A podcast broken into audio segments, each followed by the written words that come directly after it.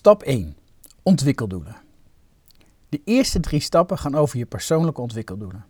In deze stap onderzoek je of er iets is wat je graag anders wilt doen in je leven en werk en met behulp van een test meet je jouw mentale veerkracht. Oefening. Voordat je met deze stap begint kun je eerst buiten een wandeling maken.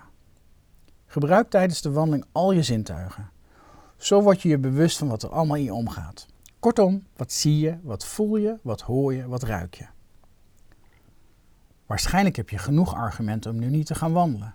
Bijvoorbeeld, ik heb geen zin, ik zie het nut er niet van in, het regent, het is te koud of te warm, etc. etc.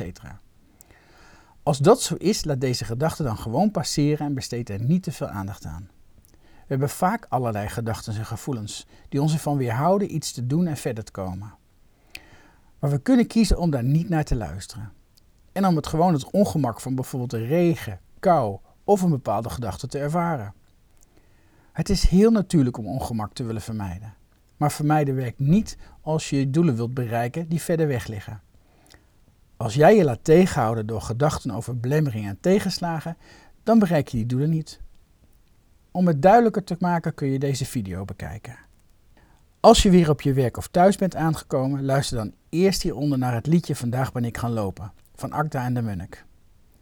Natuurlijk kan het zijn dat de muziek van Acta en de Munnik je niet aanspreekt. Daarom nodigen we je uit om vooral naar de tekst te luisteren.